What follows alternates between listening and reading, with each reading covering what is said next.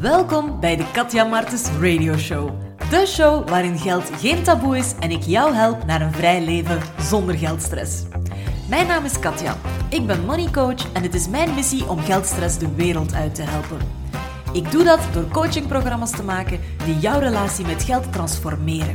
En door geld bespreekbaar te maken, zoals hier. Iedere dinsdag om 8 uur s ochtends ga ik live op Instagram, zodat we samen in conversatie kunnen gaan rond de topic van de week. Kan je er niet live bij zijn? Dan kan je hier de opname beluisteren.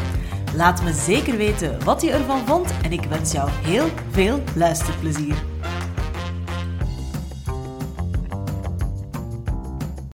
Goedemorgen en welkom bij alweer een nieuwe aflevering van de Katja Martens Radio Show. Het viel mij vanmorgen een beetje moeilijker. Ik ga er niet om liegen. Het was een korte nacht en ik raakte niet zo makkelijk uit mijn bed. Maar hey, ik vind dat het begin dan goed past bij een aflevering over mijn ondernemersjourney. Uh, over mijn pad als um, ondernemer in bijberoep, want dit hoort er ook bij. Soms vraag ik mij wel een keer af, oh oh, voor, voor wie en voor wat doe ik het allemaal? En uh, gaat het wel zoveel uitmaken of dat ik nu mijn bed uitkom of niet? Maar ja, toch wel. Dankjewel aan degenen die er uh, live bij zijn. Goedemorgen. Um, het is heel fijn om hier ja, niet alleen te staan. Het is ook de week van 1 september en dat voelt voor mij altijd een beetje als een nieuw begin. Voor mij is 1 september even goed het begin van een nieuw jaar als 1 januari. En ik weet dat dit voor uh, leerkrachten onder ons heel herkenbaar is, maar bij mij is dat toch ook echt blijven plakken. Zo het gevoel van een nieuw schooljaar, de herfst komt eraan, hoe graag ik ook de zomer heb. Ik vind het ook altijd heel leuk als ik terug uh, botjes kan aandoen en een lekkere, lekker warme trui dat u garderobe opnieuw mocht omgooien. Ik vind dat altijd een heel fijn gevoel. Dus ik heb zo wel een beetje ja, herfstvibes ook op deze ochtend. en het voelt allemaal zo'n beetje als, uh, als een nieuwe start. Ik weet niet of dat, voor jullie ook zo is. Laat het mij gerust weten in de comments wie dat hier nog het 1 september fenomeen heeft, waarop dat 1 september een nieuw jaar lijkt. Ik zei het daar net al, ik was hier bijna niet. Als in, ik vond het moeilijk om op te staan vanmorgen. Want ik sta natuurlijk altijd ja, best vroeg op eigenlijk. Tussen zes en half zeven. Om ervoor te zorgen dat ik hier toch enigszins uh, deftig en met een beetje make-up voor jullie sta.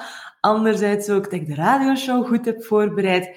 En of course dat er koffie is. En dat was vanmorgen ook een probleem. De koffie is op. Ik heb ergens nog een overschotje uh, eh, Deka-koffie gevonden. Dat gaat er mij moeten doorhalen deze ochtend. Ik weet niet of er hier nog mensen zijn die uh, aan de koffie zitten. Of zijn jullie misschien theedrinkers? Uh, ik vind het altijd leuk om te weten wat er nog mensen zijn die zo een shotje cafeïne nodig hebben. En I know, het zit allemaal tussen onze twee oren, maar het helpt mij wel. Zo, ik wou het met jullie vandaag hebben over mijn pad als ondernemer. Ik onderneem nu zoal een twee jaar in bijberoep, maar daar is ook best heel wat aan vooraf gegaan. Daar ga ik deze aflevering eventjes op focussen. Ik ga jullie meenemen naar het begin van dat verhaal, eh, naar de struggles onderweg en naar ja, wat dat mijn huidige situatie is eigenlijk. En ik hoop dat ik jullie kan inspireren, want als je mij vraagt een leven met een onderneming of zonder. Ik zou altijd opnieuw kiezen voor een, voor een leven met. Ik zou altijd opnieuw kiezen voor een leven met een passie waar ik een bijberoep heb kunnen van maken. En ik zou dat voor jullie ook echt willen. Dat als je voelt dat er iets kriebelt en dat je iets meer wilt uithalen, dat je dat ook kunt doen. Dus ik hoop dat dat wat verhelderend werkt vandaag. Ik wou ook nog eventjes iets zeggen. Ik wou nog niet de aflevering induiken voordat ik eventjes iets zei over mijn afgelopen weekend. Want ik ben misschien wel a changed person. Ik ben dit weekend uit de vliegtuig gesprongen. Uh, gelukkig met een parachute. Dat is iets wat ik al heel lang uh, wou doen. Maar ja, dat is niet zo goedkoop. Je moet dat dan ook georganiseerd krijgen. Um, liefst is het dan ook mooi weer. En het is eigenlijk uh, mijn lief die mij dat cadeau heeft gedaan voor mijn verjaardag een parachutesprong. Hij had het ooit al eens gedaan en hij wist dat ik dat heel graag wou doen. Ik heb blijkbaar ook de uitspraak gedaan dat ik mijn leven saai vond en dat ik wat adrenaline miste. Dus was zijn oplossing daarvoor. En ik ben er hem heel dankbaar voor, want dat was een heel zotte ervaring. Deed gisteren een poll op mijn Instagram en merendeel van de mensen zegt toch van mijn leven spring ik niet uit een vliegtuig. Maar er zitten er ook wel wat enthousiastelingen tussen. Ik zou zeggen, als je twijfelt, gewoon doen, boek het, laat het je cadeau geven, laat het eens ergens vallen als een hint en reserveer het gewoon een keer. Want ze, ze maken het heel makkelijk voor u. Um, ik zelf ben in Spa, in de Ardennen, uit een vliegtuig gesprongen. En dat was een heel fijne organisatie. Ze geven nu ook echt weinig tijd eigenlijk om zenuwachtig te worden. Uh, als je op een dag dat mooi weer is, je hebt de reservatie, je komt daartoe, uh, geven ze een korte uitleg, maar ook niet te gedetailleerd. Ik had mij, tot als ik in dat vliegtuig zat, eigenlijk nog niet voorgesteld hoe dat zou zijn om ook door die deur te gaan. En ja, ze maken het echt een hele leuke ervaring. Heel fijne instructeurs ook, dat ik rond mij gezien heb. Um, uiteraard ook heel bekwaam. Want die mensen laten het er allemaal heel gemakkelijk uitzien. Hè. Die springen zo... Ik denk dat er op een zaterdag, ik denk dat ze zeiden dat er ongeveer 150 sprongen werden gedaan. Dat zijn 150 mensen die uit een vliegtuig gaan. Dat is heel veel. Dus om het kwartier acht andere mensen die dat je daar ziet verdwijnen. En de instructeurs laten dat er heel smooth uitzien. Die laten dat eruit zien alsof dat... Ja, en dat is ook wel zo, denk ik, alsof dat ze alle, alle dagen niks anders doen. Maar ook wel met de nodige veiligheidsoverwegingen in acht genomen. Ze laten het er heel makkelijk uitzien. Um, het moment dat die vliegtuigdeur open gaat en dat het dan nu is, één ding heeft mij denk ik echt enorm veel uh, schrik bespaard. En dat is het feit dat je niet naar beneden kunt kijken. ik denk dat ze er ook echt alles aan doen in dat vliegtuig om je niet naar beneden te laten kijken, want ik denk dat het daar misgaat. Dus het was uh, tot op het moment dat je daar in die vliegtuigdeur zit. En dan, het eerste moment dat je daaruit gaat, heb ik wel echt gedacht, en zei iedere vezel in mijn lijf, wow, you're not supposed to be doing this. Je voelt dat het een andere, een andere plek is, een andere, dat je tegen een bepaalde natuurkracht ingaat. En ja, eens dat dat over was, kun je er wel echt van genieten. Want aan die parachute dat gaat nog altijd wel snel naar beneden, maar veel minder snel dan die vrije val. Dus dan heb je het gevoel dat je wel even kunt rondkijken. Als je in Spa gaat springen, kun je Francorchamps zien liggen, kun je uh, La Gilette zien liggen. Uh, als je echt je best doet, is daar ook in de buurt. Maar uh, ja, ik vond het echt een, een onvergetelijke ervaring. Als je een kick zoekt in je leven, of als je zegt, of als je ook misschien vindt dat je leven saai is en dat je wat meer adrenaline nodig hebt, echt go and do it. En ik vond het ook heel fijn. Ik heb die ervaring kunnen delen met mijn papa. Hij wou dat ook heel graag doen. Maar ja, het is er zo nooit van gekomen, zeker. En ironisch genoeg heeft mijn mama ooit... Ja, zij heeft meer dan 500 uh, parachutesprongen op haar naam staan. Zij heeft dat gedaan als hobby. Wat dat echt een, een zeer speciale hobby is, lijkt mij. Uh, en dat is de dag, de dag van vandaag ook gewoon iets, je moet er veel voor over hebben. Als je dat wilt doen als hobby, naar een plek gaan waar dat je dat kunt doen, die ervaring opdoen. Ja, opnieuw, het is zeker, niet, zeker geen goedkope hobby, maar ik begrijp echt de thrill wel. Dus ik ben heel blij um, dat ik dat met mijn papa heb kunnen delen en dat wij nu ook eens weten wat ons mama van spreekt als zij het heeft over het gevoel van vliegen en het gevoel van vrij zijn. Dat is er zeker en vast bij deze, het was geen, eh, geen eh, promo voor uh, parachutespringen, maar ik kreeg er gisteren best veel vragen over. En ik wou dat zeker met jullie eens delen. Dat heeft het een heel, heel speciaal weekend gemaakt. Voor degenen die mij kennen, die weten waarschijnlijk ook dat ik altijd um, een fascinatie heb gehad voor vliegen. Dat ik in een ander leven heel graag piloot zou zijn. En ja, ik heb eigenlijk dit weekend, we hebben ook een, een initiatievlucht gedaan met een sportvliegtuigje. En dat liet, mij zien dat, ja, als ik dat nu echt wil, dat is wel binnen handbereik. Als in, ik ben fysiek in orde, er zijn daar geen dingen die mij daarvan tegenhouden. Hetgeen wat je wel moet doen, is gewoon veel tijd en geld investeren in die nieuwe hobby. Maar het is een optie. En ik maak even een bruggetje naar het topic van vandaag, want ik heb ook heel lang gedacht dat ondernemen buiten mijn bereik lag.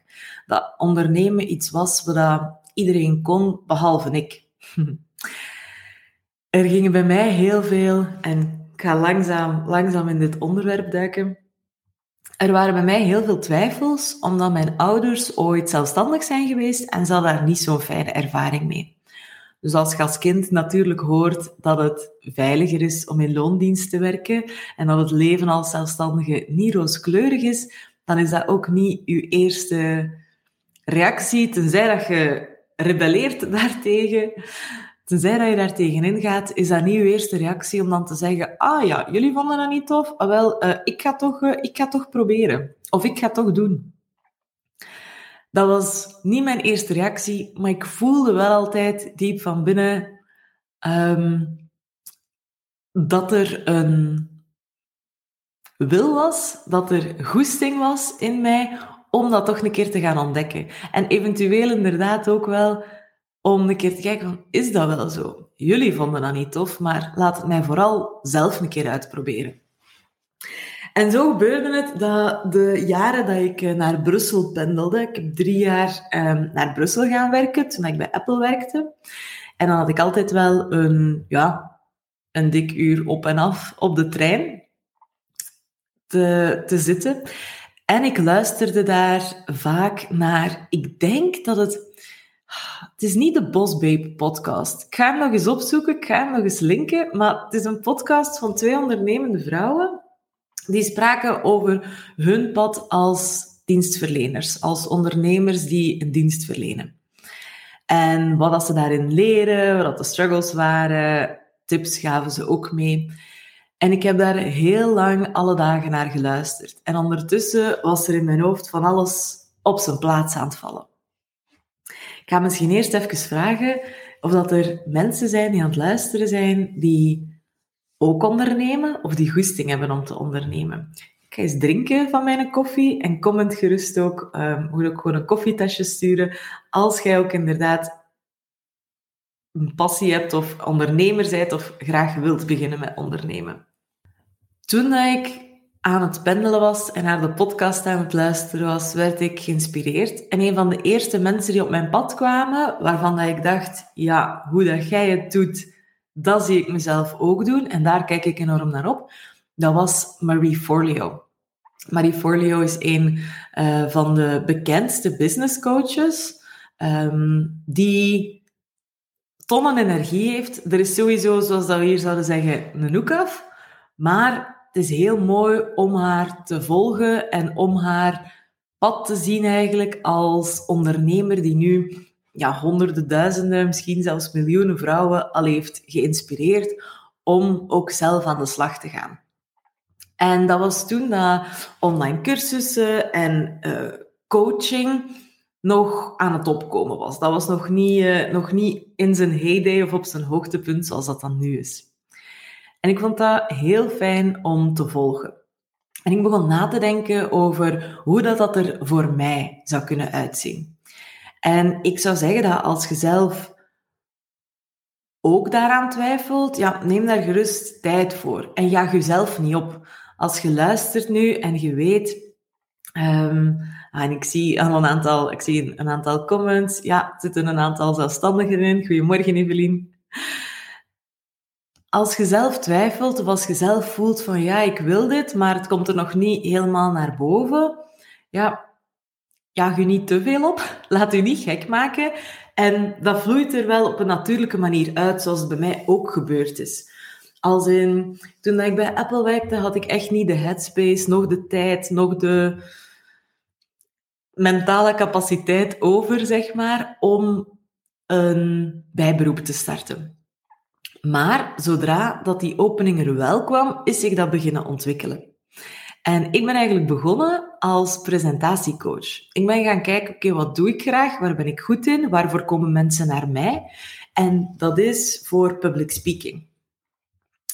Ik heb doorheen ja, het leven door heel veel opportuniteiten gehad om dat te ontwikkelen. En ik ben daar ook dieper op ingegaan, als in um, dictielessen gaan volgen, toneellessen gaan volgen. Alhoewel, als ik er nu over nadenk, zoveel toneel was dat uiteindelijk niet. Het was een beetje improvisatie misschien. Maar ik ben ook toneel gaan spelen. Ik speel nog altijd toneel bij een fantastisch leuke vereniging. En dus heb ik heel veel de kans gehad om mijn podiumtechnieken, zeg maar, te oefenen. Om beter te worden als public speaker. En dat was mijn eerste onderneming. Als ik erop terugkijk, ik heb ook altijd mijn Beauty Minded, met mijn beautyblog iets gehad. Misschien moet ik dat wel zien als mijn eerste onderneming, maar daar was het zeker niet mijn bedoeling om... Ik was toen wel echt totaal niet bezig met hoe, hoe kan dit geld opleveren. Ik was met Beauty Minded vooral bezig met mij te amuseren en met ja, iets creatiefs in de wereld te zetten voor mezelf. Met Training Minded begon ik mij ook voor de eerste keer af te vragen: oké, hoe gaan we dit een winstgevende operatie laten zijn, zeg maar. En dat was, zoals altijd, met vallen en opstaan. Als je een onderneming start in bijberoep, ik ben nog nooit vrij geweest van het gevoel dat ik een van de twee dingen niet goed doe. Ik weet niet of dat anderen dit herkennen, maar en laat het gerust weten als je het wel herkent. Maar ik heb wel al zo lang dat ik in bijberoep onderneem, het gevoel van, ah ja, ik geef mijn tijd en mijn dedication aan mijn fulltime job. En ook aan mijn bijberoep, maar het voelt alsof dat het ene altijd aan het andere trekt. Alsof dat ik als ik met mijn hoofdberoep bezig ben, denk ik aan van alles wat ik zou kunnen doen voor mijn bijberoep. als ik aan mijn bijberoep bezig ben, denk ik aan alle openstaande taakjes van mijn hoofdberoep. Ik weet niet of dat dit herkenbaar klinkt. Laat het mij gerust weten. Maar voor mij is dat wel constant een balansoefening. En een oefening in segmenteren. Segmenteren van mijn tijd en van mijn aandacht. Als in, als ik overdag aan het werk ben voor mijn hoofdberoep, dan gaat daar mijn aandacht naartoe. Als ik ondertussen aan dingen denk voor budget-minded, dan schrijf ik dat op of probeer ik het ergens extern op te schrijven, zodat ik het niet zelf moet onthouden, zodat het niet constant door mijn hoofd begint te spoken. En dan gaat het er hem ook over, over tijd te vinden en tijd te maken. Sorry, ik moet eigenlijk echt zeggen tijd maken, want tijd vinden, dat doet je nooit. Om tijd te maken voor uw bijberoep. En dat is ook al zolang dat ik onderneem een beetje zoeken. Er zijn momenten dat mij dat heel goed lukt. Er zijn ook momenten waarbij dat ik het gewoon nodig heb om in het weekend, ik zeg altijd, dat vat het zo'n beetje samen, in de zetel te liggen en naar een plafond te staren. Ik heb die downtime nodig. Maar er zijn ook periodes waarin er zoveel ideeën zijn en zoveel ja, creativiteit, zeg maar, dat het ook goed voelt om in het weekend door te werken. In het weekend, s'avonds, ik vind het niet erg om eens vroeg op te staan, meestal niet. en om daar dan verder mee te gaan. Maar ik wil zeker niet onderbelichten dat dat geen evidente is. En ik wil ook zeggen aan degenen die luisteren en die in dezelfde situatie zitten, we helpen ons niet om het onszelf moeilijker te maken en om onszelf die druk op te leggen. Daarom is mijn ondernemingsjourney ook een heel organische journey. Ik heb voor mezelf een aantal doelen, maar ik hou ook rekening met de omstandigheden van het leven, zeg maar. Als in, als er periodes zijn waarin dat ofwel mijn hoofdberoep, ofwel andere factoren in het leven heel veel van mij vragen, dan ga ik het mezelf niet extra moeilijk maken door dan ook nog eens dubbel zo hard te gaan um, op mijn bijberoep. Ik hoop dat het ergens op slaat wat ik hier allemaal ben aan het zeggen. Maar ik was dus uh, aan het zeggen dat ik begonnen ben als uh, presentatiecoach. En ik voelde, hier zit heel veel, maar het komt er niet helemaal uit. En toen ben ik een business coach onder de arm gaan nemen. Uh, ik heb eerst samengewerkt. Ik denk dat mijn eerste keer business coaching. Ik had wel een aantal online programma's en zo gevolgd. Maar mijn eerste keer live coaching was denk ik met Eline van uh, Eline Massin. En daarna ben ik met Laurence van Laurence Suvin van CEO Lifestyle gaan samenwerken. En dat heeft de zaken wel echt in een stroomversnelling gebracht. Uh, ik zeg vandaag nog altijd dat er zonder Laurence geen budget-minded zou zijn.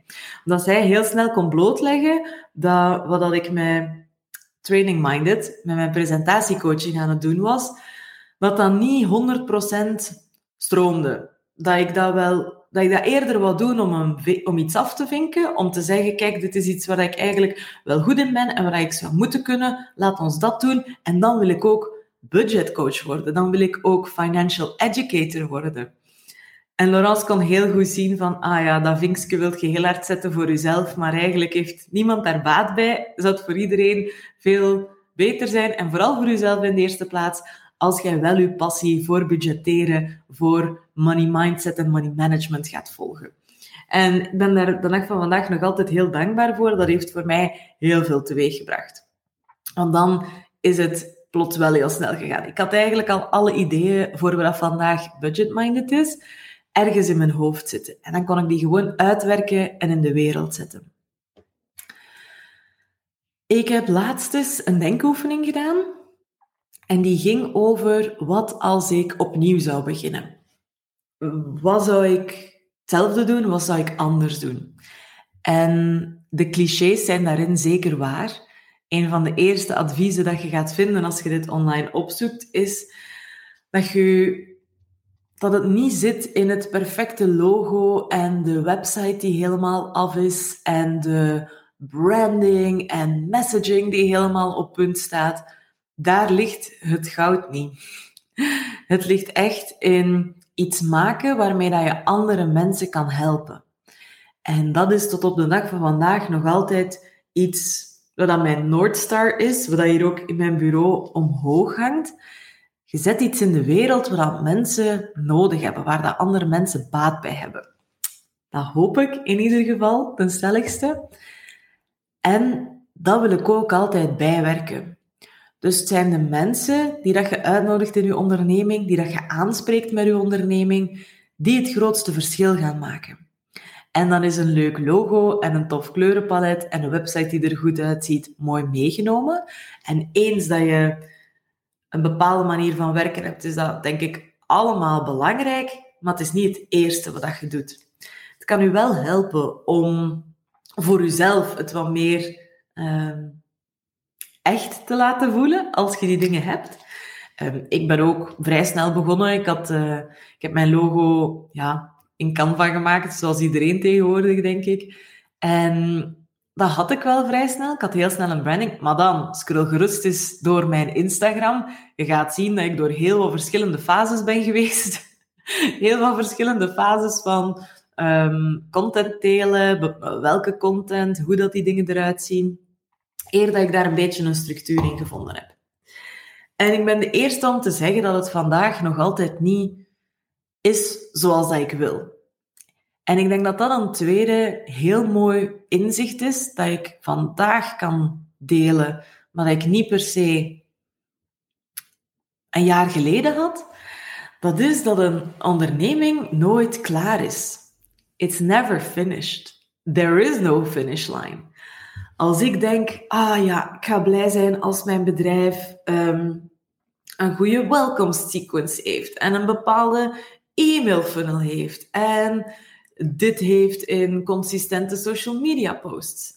Kan dat allemaal wel willen, maar dat is nooit het eindpunt. Dan gaat het hem over dat optimaliseren. Dan gaat het hem over daarnaar kijken, daar dieper op ingaan, daaruit leren, leren van uw klanten, leren van de feedback van de mensen waarmee je samenwerkt. En dat blijft gaan. Die finishlijn blijft zich verleggen. En dat vind ik zowel het mooie aan ondernemen als het meest uitdagende. It's never finished. Maar dat in je achterhoofd houden zou zeker een tweede tip zijn die ik zou meegeven aan mensen die vandaag eraan beginnen. De derde tip is ook geen wereldschokkend advies. Dat is om er gewoon ergens aan te beginnen. Ik heb het zoveel ondernemers al horen zeggen, en jij waarschijnlijk ook het is gemakkelijker om een boot in beweging bij te sturen dan een boot die aan de kade ligt. Het is gemakkelijker om al iets te hebben en iets aan top te bouwen zijn, dan iedere keer van, of, of dan van nul te moeten beginnen. En het feit dat, ah, ik begin van nul en dan ik kom naar buiten en het is allemaal perfect, dat is een utopie. en als ik voor mezelf spreek, ik heb het vaak geprobeerd, lang geprobeerd, maar dat is hem niet geworden. En als laatste zou ik ook willen meegeven dat ik ben er de aflevering mee begonnen. Als ik zou mogen kiezen tussen een leven met of zonder onderneming, ik, zou, ik twijfel niet, geen seconde, het zou altijd zijn een leven met onderneming. Het doet iets met u om een passie te kunnen delen met anderen en daar uw eigen kwijt te geraken. Ik ben nu zelf iemand die wel houdt van de processen achter de schermen. Ik vind het wel fijn om met e-mailprogramma's en automatisaties en dingen die ons allemaal het leven makkelijker kunnen maken, zowel mijn cursisten, mijn coaches als mezelf. Ik vind het fijn om daarmee bezig te zijn, maar zelfs al is dat voor jou niet zo, er zijn zoveel aspecten aan het ondernemen. Het is letterlijk een bedrijf draaiende houden dat als het niet dat is, dat jij misschien je ei wel kwijtraakt in het visuele, in alles mooi maken, in alles er fantastisch te laten uitzien. In schrijven, in ervoor te zorgen dat je content echt mensen raakt. Je vindt daarin wel een sweet spot. Ik ken de dag van vandaag heel veel mensen die twijfelen om te starten met ondernemen. En daarvoor wil ik deze aflevering ook eigenlijk maken, om jullie te zeggen, ja, just do it. Start ergens. Uiteraard zou ik mezelf niet zijn als ik het ook niet over het financiële plaatje heb. Zorg ervoor dat je een buffer hebt waarmee dat je kan ondernemen. En afhankelijk van welk soort bedrijf dat je wil, kan je wel gaan inschatten hoeveel startkapitaal tussen haakjes dat je nodig hebt. Ik ben begonnen op een vrij organische manier met, ik denk, een 2000 euro aan startkapitaal, maar ik heb die 2000, ik had no way dat ik 2000 euro nodig had. Als je kijkt naar, je hebt ehm, een inschrijving te betalen voor je BTW-nummer, je hebt je in te schrijven bij een sociaal verzekeringsfonds, en ik denk dat die dingen samen, um, moet even denken, voor het sociaal verzekeringsfonds, dat kost een, ik denk een 360 euro als ik me niet vergis per jaar. En vervolgens, voor uw BTW en zo, ik denk dat het hem, ik zou rekenen op 250 euro. Je hebt ook nog iets van een gemeentebelasting of zo, maar zeker niet de onoverkomelijke bedragen. Als in, je moet niet denken dat je 10.000 euro nodig hebt om een service-based onderneming te starten, om een onderneming zonder producten te starten. Uiteraard, als je producten verkoopt en je zit met, dan zit met heel soort andere kosten. Maar again, niet onoverkomelijk. Je kan ervoor kiezen om klein te beginnen en om snel te beginnen leren. Ik ben zeker niet de enige waarvan dat je al een keer gaat gehoord hebben to fail fast. Ehm, maak fouten en maak ze snel, zodat je er kunt uit leren. eventjes denken of dat ik op vlak van kosten, ja, uiteraard zou ik je zeggen, houd een budget bij. En ironisch genoeg was dat zelfs voor mij als budgetcoach niet de simpelste om ten allen tijde een goed overzicht te hebben van de kosten in mijn onderneming en van mijn inkomsten. En dus ook om te kijken of dat mijn onderneming uiteindelijk wel winstgevend was. Je verliest dat sneller uit het oog dan dat je zou denken. En ik zal voor mezelf spreken, ik verloor het sneller uit het oog dan dat ik zou denken. Ik was bezig met hele leuke dingen in de wereld te zetten. Dus hou dat voor jezelf ook bij. Als je dat nuttig vindt, ik ben zelf bezig. Um, ik heb zelf een dashboard waarin dat ik alles bijhoud. Um, ik kan dat gerust ook eens maken om te delen. In afwachting daarvan vind je ook wel een goede template in mijn e-book. Ik zal de link in de show notes erbij zetten. In dat e-book vind je een fijne manier om uw inkomsten, uitgaven, kan ook voor uw persoonlijk budget gelden, in kaart te brengen. Ik heb het gevoel, en ik heb dat altijd als ik uh, een solo radio aflevering maak, dat ik een beetje van de hak op de tak ben gesprongen. Maar ik hoop wel dat je het fijn vond en dat je er iets aan gehad hebt om eens te horen hoe dat, dat voor mij in elkaar zit. En hoe dat er voor mij dingen gegroeid zijn. De dag van vandaag is het eigenlijk heel simpel. Ik hou ongelooflijk veel van wat ik doe in mijn onderneming. Ik hou ongelooflijk veel van mensen te kunnen begeleiden naar een vrij leven zonder geldstress, een vrij leven met grip op geld, waarbij dat je anders naar je geld kan kijken. Ik doe dat enorm graag. Dus voor mij is er geen twijfel of geen vraagteken of dat ik dit ga blijven doen. Tuurlijk ga ik dit blijven doen. Ik blijf dit voorlopig ook doen in bijberoep, omdat ik mijn hoofdberoep eigenlijk ook wel nog echt heel leuk vind. Ik werk samen met heel fijne mensen in een heel fijn team. Ik leer daar nog altijd bij. Heel veel skills die mij ook in mijn onderneming helpen. Dus daarom werkt dit voor mij de dag van vandaag nog. De dag dat het niet meer werkt, dan weet ik ook wat er mij te doen staat. Dan te uitkijken naar een andere balans die dan voor mij werkt. En ga ik waarschijnlijk 99% zeker voluit voor mijn onderneming. Ik denk dat dat mijn, mijn toekomstperspectief is. Maar op dit moment vind ik het wel leuk om de beide aspecten in mijn leven te hebben, ook al gaat daar soms wel wat druk mee gepaard. En daar komt ook wel wat mindfulness bij kijken om je daar niet te hard laten door gek te maken. Ik ging het vandaag een beetje korter houden, dus ik ga stilaan afronden. Als je zelf wil starten met een onderneming, als je daar vragen over hebt, ehm, geef mij gerust een seintje. Ik help heel graag. Ehm, laat mij op Instagram gerust weten hoe dat uw plan eruit ziet of wat uw twijfels of vragen zijn. En dan gaan we samen in gesprek. Maar ik wou ook nog afsluiten. Ik heb hier een gigantisch grote um, note staan in mijn show notes om het te hebben over het boek van de week. En surprise, surprise, het is deze week is geen boek. Ik heb deze week heel weinig tijd genomen om te lezen, want ik heb een nieuwe verslaving. ik ben helemaal hooked aan de tv-serie Succession. Succession is een serie gemaakt door HBO en het is echt another level van cringeworthy TV, maar niet in de zin dat je denkt dat het cringeworthy zou kunnen zijn. Succession gaat over een groot mediabedrijf. Mensen beweren wel eens dat het gebaseerd is op het uh, empire van Rupert Murdoch, de mediamagnaat. Uh, het gaat over zo'n heel groot mediabedrijf met aan het hoofd een vader van in de 70, geen flauw idee hoe oud dat die mens is, maar hij moet een opvolger zoeken. En zijn drie kinderen um, vechten een beetje om de opvolging. En vechten is zelfs niet het juiste woord. Het is zo bij de haren gerukt op, op bepaalde momenten.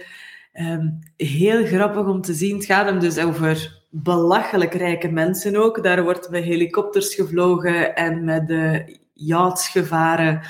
Um, dat je alleen maar, ja, dat je alleen maar in echt de, de, zotste, de zotste scenario's ziet. Heel fijne serie. Ik vind het heel leuk om, uh, om naar te kijken, hoe dat ze meenemen in dat verhaal, hoe dat die mensen ook met elkaar omgaan. Als je zelf Succession al gezien hebt, laat mij gerust weten wat dat uw gedachten ervan zijn. Maar ik zou het, uh, ik zou het aanraden. Um, de eerste drie afleveringen vond ik niet fantastisch, dat moet ik er wel even bij zeggen. De eerste drie afleveringen dacht ik, hmm, not sure. Het is pas daarna dat ik dacht, oh my god, dit is een van de beste series die ik de afgelopen jaren heb gezien. Dus als je nog uh, iets zoekt om je verstand op nul te zetten deze week, Succession is the way to go. Dank jullie wel om erbij te zijn deze ochtend. Het was heel fijn um, om hier weer te zijn, om jullie ook live te zien. En dan zie ik jullie graag volgende week terug voor alweer de tiende aflevering van de Radio Show. Nog een hele fijne donderdag en tot binnenkort. Yay! Bedankt om tot het einde te luisteren. Als je het een fijne aflevering vond en er iets uit geleerd hebt, dan zou ik het heel fijn vinden mocht je ze ook delen op Instagram. Zo kunnen we samen de liefde voor de radioshow helemaal tot leven brengen. Vergeet mij niet te taggen in je story of post, zodat ik jou ook oprecht kan bedanken om het te delen. En zie ik jou volgende week.